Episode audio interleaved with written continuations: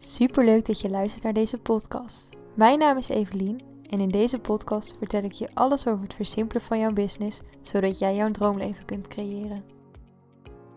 In deze podcast wil ik het even met je hebben over het ongelooflijk aantal mogelijkheden voor marketingkanalen. Ik ben lid van meerdere Facebookgroepen voor ondernemers en daar word ik echt volledig doodgegooid met de heb jij al punt punt punt en dan gevolgd door een marketingkanaal. Dus bijvoorbeeld, heb je al een e-maillijst? Heb je al een Pinterest-account? Heb je al een LinkedIn-account? En ga zo maar door. Het gaat dan niet eens alleen allemaal over social media kanalen, maar ook dus e-mail marketing, blogs, podcast, Google Mijn Bedrijf en noem maar op welke mogelijkheden er allemaal zijn. En ik had het er laatst met een mede-ondernemer over. En zij vertelde mij dat ze door de bomen het bos niet meer zag. En ik snap echt zo goed wat ze daarmee bedoelt. Want ook al hou ik me bezig met het versimpelen van je bedrijf, ook ik vind het aantal, aantal mogelijkheden soms echt overweldigend. Het is namelijk zo dat elk marketingkanaal bijna wel geschikt kan zijn. En ik zeg hier heel nadrukkelijk kan, omdat ik denk dat jij als zelfstandig ondernemer, als klein bedrijf, niet op elk marketingkanaal zichtbaar hoeft te zijn. Jij hoeft namelijk niet de hele wereld te helpen. Waarschijnlijk kun jij de hele wereld in je eentje niet eens aan. En dit bedoel ik overigens niet slecht, want ik bedoel, als ik mezelf in die positie zet en ik bedenk dat ik ineens 200 aanvragen zou krijgen, dan zou ik echt niet weten waar ik de tijd vandaan moet halen. En ik heb gewoon niet de ambitie om mensen in dienst aan te nemen. Dus het zou vanuit mij moeten komen. En 200 mensen in één keer helpen is praktisch gezien onmogelijk. Het zou misschien mogelijk kunnen zijn, maar ik denk dat ik dan volledig leeg ben gelopen qua energie. Maar goed, de onderneemster die ik sprak, zij maakt handgemaakte producten waar zij dus ook nog eens ongelooflijk veel tijd aan kwijt is. Want ja, bedenk je maar dat als jij producten moet creëren, dat dat, dat, ja, dat kost gewoon tijd. Um, en als je daarnaast dus al die marketingkanalen zou moeten onderhouden, dan word je knettergek. En je kunt natuurlijk ervoor kiezen om je marketing uit te besteden, maar ook daar ben ik niet per se een voorstander van. Ehm, ik ben wel voorstander van bijvoorbeeld een VA inhuren die dingen voor je inplant als je dat prettig vindt. Maar ik ben een voorstander van het creëren van je eigen content, omdat als zelfstandig ondernemer ben jij namelijk het gezicht van jouw bedrijf. En als iemand anders dus jouw social media post schrijft, hoe goed ze ook kunnen schrijven, het is niet jij die het geschreven hebt. En ik vind, om een verbinding aan te gaan met je klanten, vind ik het goed dat iets vanuit jezelf komt. En dus niet vanuit een ander die het voor jou schrijft uitzonderingen uiteraard daar gelaten. Maar goed, ik zit natuurlijk in de marketing-communicatiewereld. Dus voor mij voelen dingen misschien nog minder overweldigend. Als jij helemaal niets met communicatie en marketing hebt, dan kan het al helemaal super overweldigend zijn om te weten waar je iets moet doen en waar jij zichtbaar zou moeten zijn. En in deze podcast wil ik dus wat dieper ingaan op waar jij als ondernemer zichtbaar kunt zijn en waarvan ik zou zeggen, nou laat dat links liggen. En dat is echt heel erg afhankelijk van wat je doet hoor. Maar ik probeer het hier zo goed mogelijk uit te leggen, zodat jij misschien voor jezelf een afweging kunt gaan maken. Allereerst vind ik het namelijk super belangrijk om te bedenken welke manier van content creëren vind jij prettig. Je kunt namelijk onderscheid maken tussen verschillende soorten content. Je hebt tekst en die kun je dan weer onderverdelen in bijvoorbeeld korte tekstjes voorop, Instagram bijvoorbeeld of voor Facebook. Langere tekst in de vorm van een blog of een artikel. Je hebt dan natuurlijk spraak en dan kun je dan weer onderscheid maken tussen het opnemen van een podcast, dus echt puur alleen spraak. Maar je kunt bijvoorbeeld ook voice-overs gebruiken over foto's of video's. Dan heb je dus natuurlijk nog film en dan kun je denken aan uh, video's waarbij jij dingen uitlegt. Dus waarbij je jezelf filmt en dingen uitlegt die je doet of die je interessant vindt. Sfeerbeelden die je aan elkaar plakt met dus bijvoorbeeld een voice-over of gewoon een leuk muziekje. En je hebt natuurlijk nog gewoon beeld in de vorm van een foto of in de vorm van een grafisch ontwerp. En die kun je natuurlijk altijd losstaand of in de vorm van gecombineerd met een voice-over of tekst. En er zijn nu vast dingen die ik nog vergeten ben, maar het wordt anders een beetje onoverzichtelijk in mijn hoofd, dus ik hou het hier nu even bij. Allereerst denk ik dat het goed is om voor jezelf te bedenken welke manier van content vind jij dus leuk. Ben jij een makkelijker schrijver, dan zou ik me focussen op vooral tekst. Maar ben jij bijvoorbeeld een makkelijker prater, dan kun je wat met je stem gaan doen. En als jij bijvoorbeeld het heel leuk vindt om te fotograferen, dan zou ik daar absoluut gebruik van maken. Ben je bijvoorbeeld fotograaf, dan kun je natuurlijk de foto's die je voor je klanten maakt ook heel goed terug laten komen in je content. Dus bedenk hierbij voor jezelf gewoon wat vind ik prettig en wat kan ik ook lang volhouden. Want uiteindelijk is dat ook waar het om draait. Het is echt belangrijk dat je gewoon iets consistent en consequent voor langere tijd vol kunt houden. En daarmee bedoel ik niet dat je bijvoorbeeld vijf dagen in de week ergens zichtbaar moet zijn, maar wel dat je frequent ergens terugkomt. Dus dat klanten ervan uitgaan dat ze jou daar actief zullen tegenkomen. Dan is het ook nog goed om te bedenken waar jouw klant zelf actief op is. En ik denk dat dat tegenwoordig niet per se super lastig is, want we hebben bijna allemaal meerdere social media accounts. Maar goed, het is wel goed om je af te vragen of jouw klant dus ook op het kanaal zit dat jij wil inzetten, want anders heb je er natuurlijk niks aan.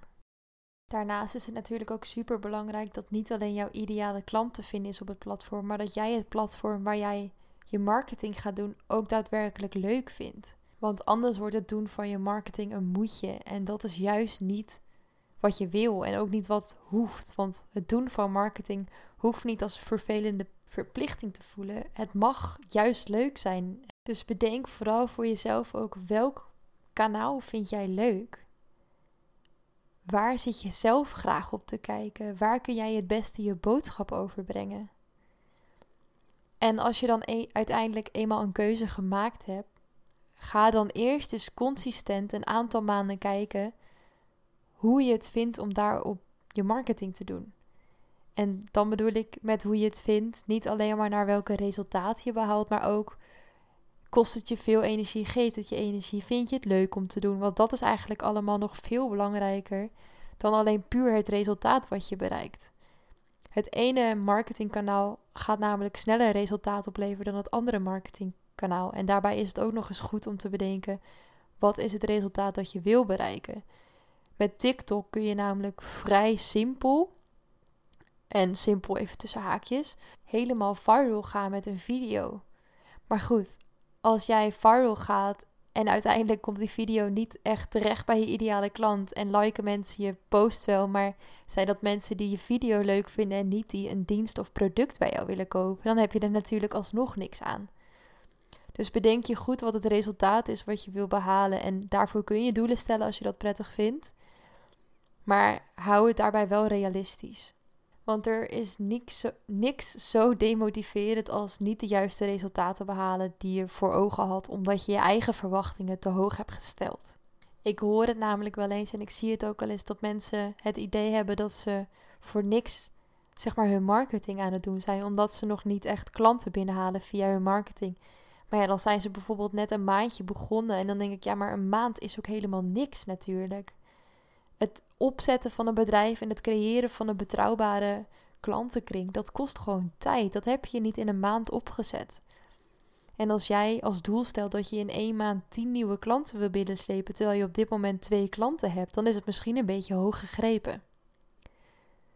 En wat we dan als mensen gauw geneigd zijn om te doen wanneer die resultaten uitblijven, is het platform de schuld geven en doorhoppen naar een ander platform of gedemotiveerd raken en daardoor heel inconsistent op het platform aanwezig zijn. Dat laatste herken ik vooral van mezelf. Ehm, ik merk namelijk ook nu niet meer, maar dat het me vroeger heel veel deed als een post bijvoorbeeld weinig, ja, weinig reactie uitlokte. Dan dacht ik, nou ja, laat maar zitten. En dan deed ik bijvoorbeeld twee weken niks meer posten. Ja, en als ik dan ineens wel weer iets postte, dan dachten mensen ook, wat moet jij nou weer? Dus Laat je niet meteen demotiveren als iets niet helemaal gaat volgens het plan dat jij in je hoofd hebt bedacht. Het is namelijk zo dat social media, ja, ze hebben algoritmes waar je rekening mee kunt houden. Maar je kunt nooit, nooit, nooit 100% voorspellen hoe je post het gaat doen. En daarbij is het ook nog eens zo dat jouw post wel een reactie kan hebben uitgelokt. Alleen dat die reactie niet fysiek is geplaatst, maar dat die in iemands hoofd heeft plaatsgevonden. Dus misschien heb jij al veel meer zaadjes geplant. Excuses. Ik ben te veel aan het praten. Misschien heb je al veel meer zaadjes geplant dan dat je misschien doorhebt. Want ik like bijvoorbeeld ook niet altijd alle posts die ik voorbij ziet komen, ondanks dat ze wel misschien iets met me doen en dat ze me wel aan het denken zetten. En mensen volgen ook niet altijd direct jouw account. Het kan bijvoorbeeld zijn dat ze een interessante post van je zien, maar je niet direct gaan volgen. Terwijl als ze dan even later, een paar dagen, een paar weken, een paar maanden later, weer zo'n post van je zien, dat ze weer nieuwsgierig worden. En op den duur kunnen die mensen dus wel volgers gaan worden. Dus focus je niet te veel op korte termijn, maar focus je vooral op lange termijn. En focus je niet te veel op het aantal likes en reacties dat je video krijgt. En probeer het vooral niet allemaal in alle platforms te stoppen, want dat is echt zo tijdrovend. en ook gewoon niet nodig. Ehm, het kan zijn dat je bijvoorbeeld een video maakt en dit doe ik zelf namelijk. Ik maak video's voor Instagram Reels en deze plaats ik vervolgens door op TikTok. Maar ik maak niet specifiek video's alleen voor TikTok, puur omdat ik TikTok is voor mij niet het platform waar ik mij op focus. Dat is Instagram.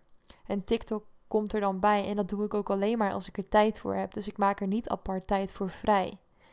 En dat onderscheid heb ik ook met mijn podcast en blog gemaakt. Want ik heb namelijk naast de podcast ook nog een blog. En dat klinkt allemaal wel veel. Maar mijn podcast heeft mijn prioriteit. En mijn blog, dat doe ik als ik er zin in heb. Ik heb namelijk wel. Ik vind het heel leuk om te schrijven. En het kan me ook heel veel energie geven om te schrijven.